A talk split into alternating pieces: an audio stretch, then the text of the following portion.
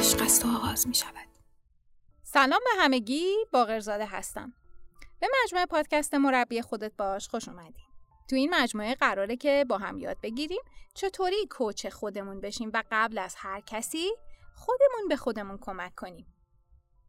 اگر تازه با این پادکست آشنا شدین لطفاً تشریف ببرین داخل سایت خودیری و توی قسمت مشخص شده آدرس ایمیلتون رو وارد کنین تا شما هم جزو کسایی باشین که به صورت هفتگی این مجموعه رو دریافت می‌کنین. توی قدم اول می‌خوام کوچینگ رو بهتون معرفی کنم. احتمالا چیزای زیادی راجع به کوچینگ شنیدین. چیزایی که گاهی وقتا گمراه کننده و گاهی وقتا انگیزه بخش بودن. توی شبکه های اجتماعی، توی تلویزیون، توی مجله ها یا حتی از دوستانتون این صحبت ها رو شنیدین. اما می‌دونید که کوچینگ چی نیست؟ کوچینگ این نیست که کسی بیاد به شما بگه چجوری باید زندگی کنی. شاید چیز خوبی هم باشه ها. چیز خوبی باشه که یه کسی بیاد به ما بگه که چی درسته چه غلطه چه کاری رو انجام بدیم چه کاری رو انجام ندیم. اما قبول دارین که این فقط یه رویاست. تا وقتی که تغییرات عمیقی در درون ما ایجاد نشه همچین اتفاقی نمیافته. چون تغییرات سطحی به راحتی از بین میرن. ما می‌خوایم تو پروسه یادگیری خود مربیگری به سطحی برسیم که بتونیم تغییرات عمیق در درون خودمون ایجاد بکنیم. تا اینطوری هر لحظه به مربیمون دسترسی داشته باشیم و بتونیم از راهنمایی‌هاش برای انتخاب راه درست زندگیمون استفاده کنیم. ازش حمایت بگیریم. با این اصاف اگر بخوام یه تعریف کوچیک و مختصر از کوچینگ ارائه کنم می‌تونم بگم کوچینگ یه مکالمه هدفمنده که به همون انگیزه میده دنبال خلق بهترین ها توی زندگیمون باشیم. احتمالا هر روز با خیلی آدم رو صحبت می‌کنیم و مکالمه های متنوع و زیادی داریم. بعضیشون هدف دارن، بعضیشون ندارن. بعضی از این مکالمه ها مشکلاتتون رو حل می‌کنن، بعضیشون مشکلاتتون رو عمیقتر می‌کنن.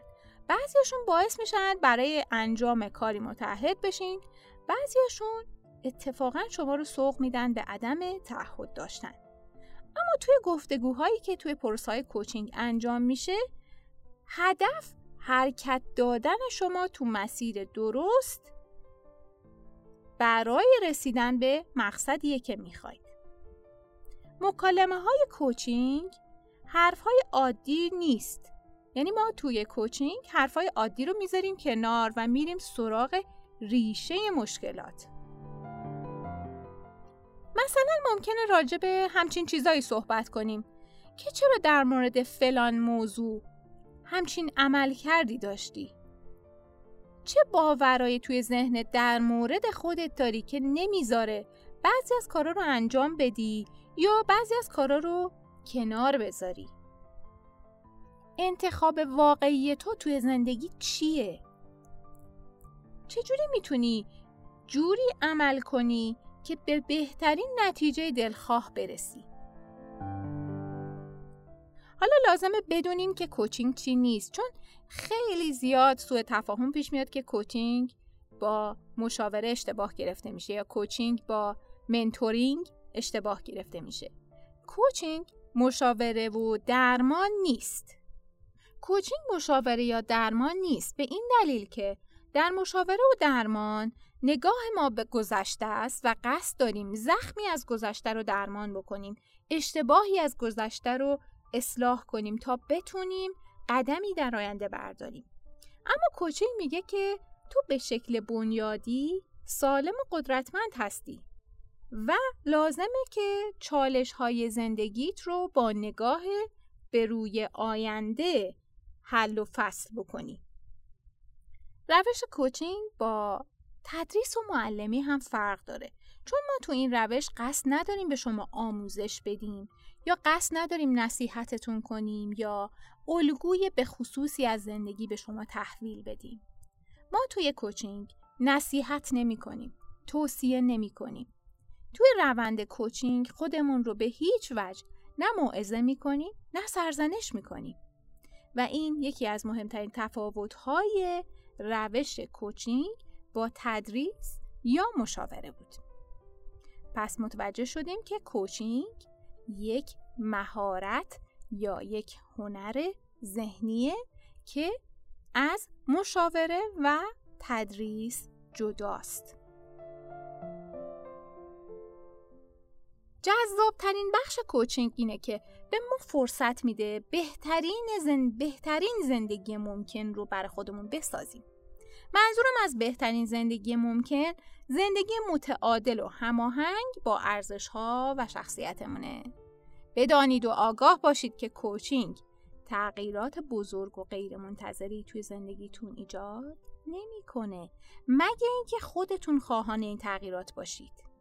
کوچینگ کمک می‌کنه استعدادها و مهارتهاتون رو بشناسین و بتونید از اونها استفاده کنین و چیزهایی که مانع حرکت شما میشه به سمت جلو رو بهتون نشون میده و بهتون انگیزه میده که اون موانع رو کنار بذارید و با وجود همه ترس ها و نگرانی هاتون باز هم به مسیر ادامه بدین. به طور خلاصه کوچینگ به ما کمک می‌کنه خودمون رو از شر افکار قدیمی و ناکارآمدی که باعث ایجاد موانع در زندگی ما و مانع برای ایجاد تغییرات توی زندگیمون می شدن خلاص شیم. البته که این کار اصلا کار ساده ای نیست اما شدنیه و به زودی در موردش حسابی و مفصل صحبت می‌کنیم. مورد دوم اینه که کمک می‌کنه یه نگاهی به قصد و اراده درونیمون و ارزش هامون بندازیم. مشخصه که به محض اینکه موانع ذهنی رو تونستیم برداریم نمی‌تونیم تغییرات اساسی ایجاد کنیم چون لازمه اول برگردیم به ارزش های درونیمون یه نگاهی بندازیم و به قصدمون در مورد انجام دادن کارها یا کنار گذاشتن اونها یک نگاه دقیق تری بندازیم و بعد آمادگیمون برای رسیدن به اهدافمون رو بالا ببریم. یعنی چیکار کنیم؟ یعنی یه برنامه ریزی عملی و زماندار برای خودمون طراحی کنیم. بعد وارد مرحله عملی کردن این برنامه ریزی متفاوت و بینظیر بشیم. و مهمترین چیز که حتما می‌تونید حس بزنید تداوم و ثبات قدمه که کوچینگ به همون کمک می‌کنه این تداوم ثبات قدم رو در طی زمان طولانی داشته باشیم. کوچینگ یه راه شگفتانگیز برای پایدار کردن تغییرات در زندگی و درک مسائل جدیده.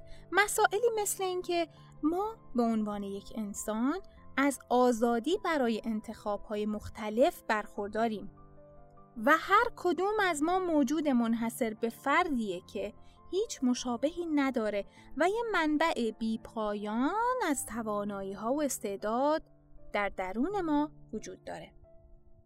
کوچینگ راهیه برای رسیدن به نتایج بلند مدت. خیلی مشخصه که ما می‌تونیم مشکلاتمون رو از راه های مختلف حل کنیم. مثلا میشه یه کلاسی چیزی برای حل مشکلات مالی و عاطفیمون بریم یا میشه یه کتابی بخونیم. یا حتی ممکنه که ترجیح بدیم با دوستامون صحبت بکنیم و از اونا راهنمایی بگیریم. یا حتی ممکنه که با خودمون فکر کنیم چه خوبه که من یه الگوی در دسترس و مناسب با توجه به شخصیتم و موقعیت اجتماعیم داشته باشم و از اون تبعیت کنم. برای اینکه هر کدوم از این روش ها به نتیجه برسن مشخصا لازمه که ما انگیزه داشته باشیم و انگیزمون رو حفظ کنیم که بتونیم این مسیر رو ادامه بدیم. و به خودمون هم قول بدیم که متحد بمونیم حتی اگر یه وقتایی انگیزمون کمرنگ شد. خیلی خوب. بیاین صادق باشیم. چند بار تا حالا به خودتون قول دادین و وسط راه نه. همون اول راه ولش کردیم خیلی شبیه برنامه ریزی سالیانه تو هفته اول نوروز نیست؟ که توی هفته دوم کلا فراموش می‌شد. اینجا همون جاییه که کوچینگ به داد ما می‌رسه و دوباره ارادمون رو تقویت می‌کنه که از مسیر خارج نشیم. اما توی قدم اول لازمه با مربی درونمون هماهنگ بشیم. قطعا منتقد درونتون رو خوب می‌شناسید. ولی می‌خوام بگم که یه مربی درونم داریم. کجا بوده تا حالا؟ در درون شما. منتها صداش خیلی ضعیف بوده و احتمالا خیلی کم و به ندرت صداشو میشنیدین. اجازه بدین منتقد درون رو بهتر با هم بشناسیم. منتقد درون همون صداییه که همیشه معترضه. مدام داره قور می‌زنه مدام داره حرف می‌زنه مدام داره هشدار میده. سرزنش می‌کنه تنبیه می‌کنه زیر سوال می‌بره. هر کاری انجام میدین یه ایرادی توش در میاره. همونی که حاضره هر بلایی سر ما بیاد که مبادا تصمیم بگیریم به سمت رویامون حرکت کنیم. چون رسیدن به رویامون یعنی تغییر کردن. یعنی به چالش کشیدن جناب منتقد و زحمت افتادن ایشان. منتقد درون ما میترسه دستش رو بشه. دستش در مورد اینکه سالها بوده که داشته بی دلیل و بی جهت و خیلی ناجوان مردانه ما رو سرزنش می‌کرده. منتقد درون اصلا نمیترسه که مدام به ما بگه تو چاقی تو خیلی بیورزه ای تو خیلی خنگی اصلا خوب نیستی چی به خودت فکر کردی؟ تو کافی نیستی به درد این کار نمی‌خوری تو این کار نیستی. بشین تو نمی‌تونی این کارا رو بکنی. و و و. خدا رو شد که توی ذهنمون یه مربی یا حامی هم داریم. همون صداه هست. که یه وقتایی به همون یه امیدی میده یه انگیزه میده. یه تشویق کوچولویی می‌کنه. یه امیدی به آینده داره و گاهی وقتا میشینه و به رویا به آرزوی دور و درازی که داریم فکر می‌کنه. در موردش حرف می‌زنه. وظیفه مربی درونیمون تشویق کردن ماست. بابت کارهایی که الان داریم انجام میدیم و در آینده نتیجهش رو می‌بینیم. مربی به ما اعتماد داره و می‌خواد به همون بگه که لازمه تو هم به خودت اعتماد کنی. چون تو از پسش بر میای چون تو استعدادشو داری چون تو تواناییشو داری. ممکنه که زیادم این صدا به گوشمون نخورده باشه و برامون خیلی هم آشنا نباشه ها. که خب طبیعیه دیگه. انقدر که صدای منتقد تند و تیز و بلند و پر از هم هم است. صدای آروم و ملایم مربیمون به گوشمون نمی‌رسه. از طرفی هم منتقد خوب کارشو بلده و به بهترین شکل ممکن بدون نقص کارشو انجام میده و خوبم بلده که ما رو قانع کنه که کافی نیستی. تو نمی‌تونی. ببین به این دلیل به این دلیل به این دلیل با توجه به اون نتایج قبلی که وجود داشته تو نمی‌تونی قبلا نتونستی الان هم نمی‌تونی. باید به تواناییات شک کنی چون تو ارزه نداری. البته اینم بگم ها نه اینکه صد درصد دروغ بگه. ممکنه گاهی وقتا تلاشی که کردیم نتیجه نداده باشه. اما موضوع اینه که منتقد تمام حقیقت رو نمیگه. تنها موقعیتی رو بهش اشاره می‌کنه لحظه ای رو بهش اشاره می‌کنه که ما تو شکست خوردیم. اما به هیچ عنوان راجع به تلاشی که کردیم که به اون نقطه برسیم حرف نمی‌زنه. و اینطوری اختیار زندگی ما رو دستش می‌گیره و تلاش می‌کنه جلوی اعتماد کردنمون به خودمون رو هم بگیره. در مقابل مربی درون ما با این روش ها داره سعی می‌کنه ازمون حمایت کنه. با روش های مثل اینکه بهمون میگه من باور دارم که تو می‌تونی. تشویقمون می‌کنه و هدفهای بزرگ و ارزشمندی رو بهمون نشون میده تا انتخاب کنیم. بهترینا رو ازمون انتظار داره و می‌دونه که انتظارش برآورده میشه. توی چالش ها به جای ناامیدی و درموندگی انتخاب های مختلف رو برای بررسی کردن جلوی روی ما می‌ذاره. موفقیت رو تحسین می‌کنه و از رسیدن به نتایج خوشحال میشه. کمک می‌کنه یه برنامه عملی و کارا داشته باشیم و ما رو در حال پیشرفت و رو به جلو نگه میداره و اما منتقد. ایشون مثل دشمن درونی روبروی ما وای میسه؟ و مدام عیب جویی می‌کنه. مدام ایراد می‌گیره مدام سرزنش می‌کنه. سوال اینجاست. تو ترجیح میدی به کدوم یکی گوش کنی؟ می‌خوای تو تیم کدوم یکی باشی؟ تو تیم این منتقده که مدام داره ازت انتقاد می‌کنه؟ و تو هم بله درست میگی بله درست میگی چشم. حتما همینی که میگی درسته. و و و یا نه. می‌خوای تو تیم مربی باشی که بهت میگه تو می‌تونی.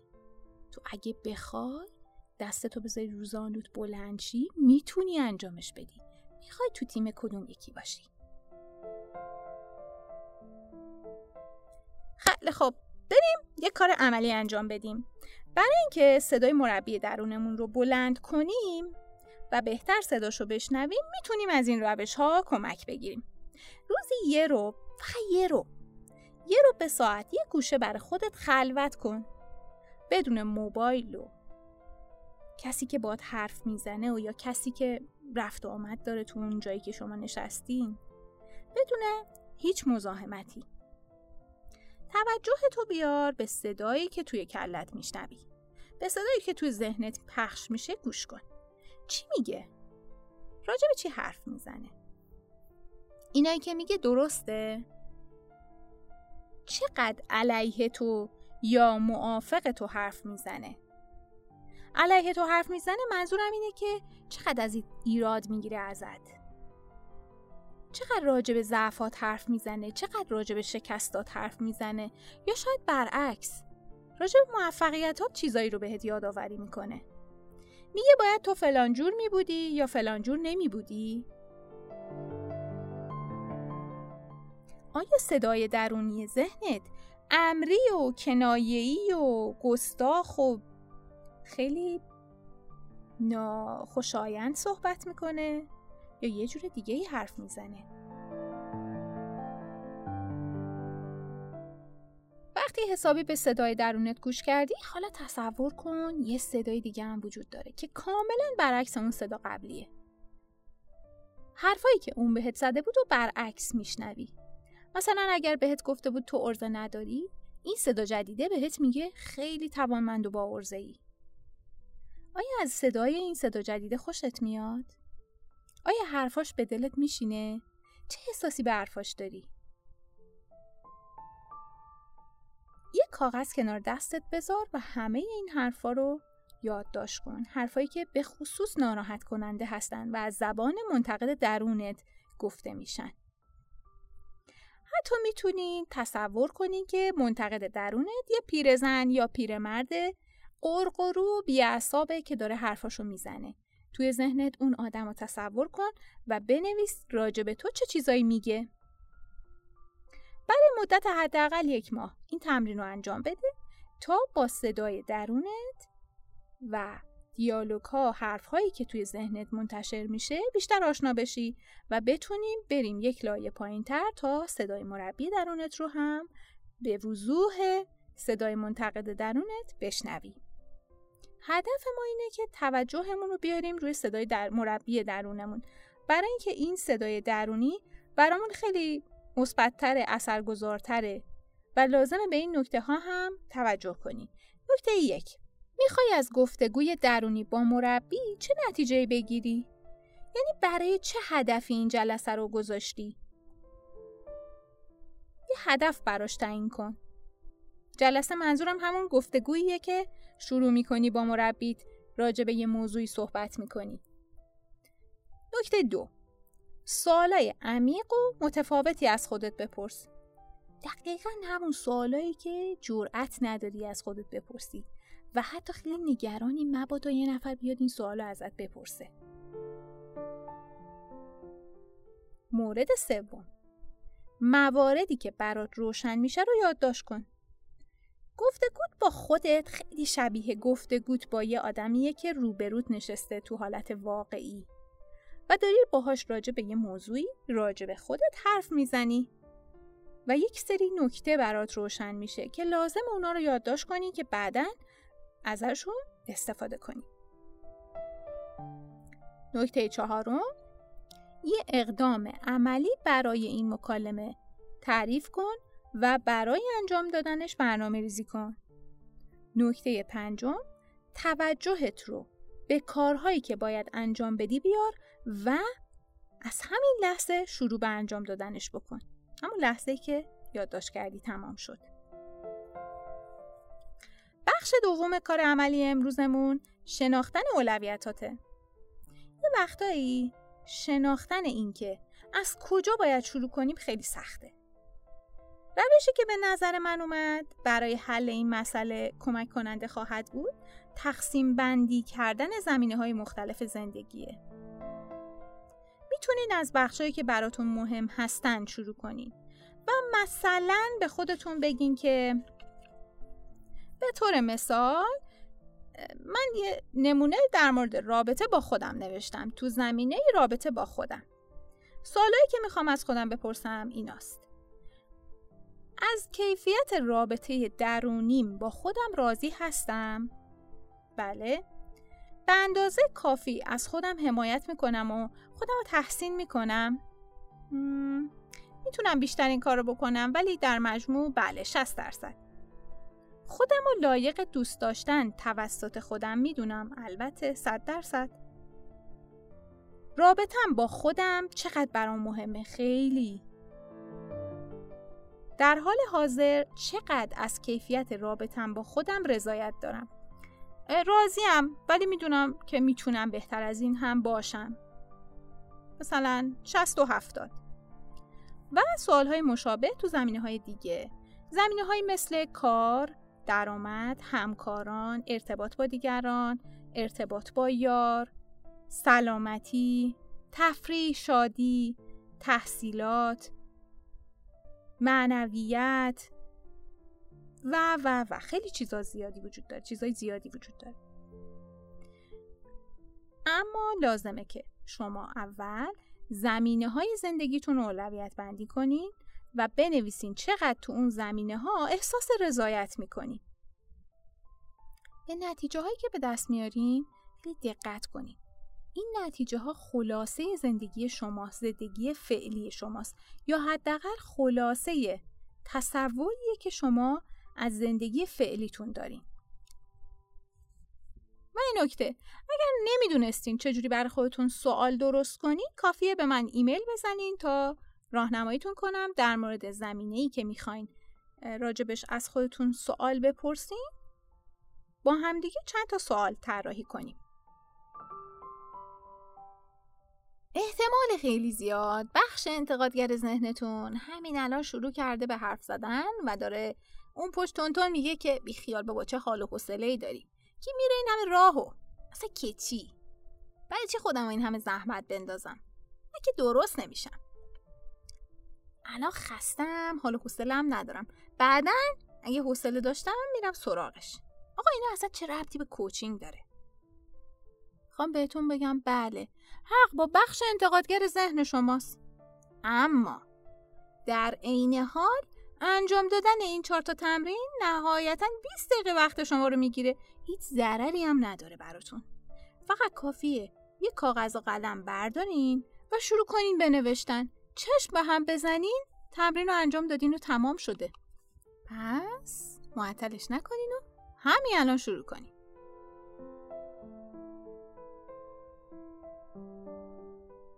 خب عزیزانم امیدوارم که نکاتی که تلاش کردم بهتون منتقل کنم و به خوبی دریافت کرده باشین. و در نهایت تمرین هم انجام بدین و گول این انتقادگر درونتون رو نخورین. این پادکست ممکنه به درد دوستاتونم بخوره و تغییر بزرگی تو زندگیشون ایجاد کنه. لطفا برای اونا هم بفرستین.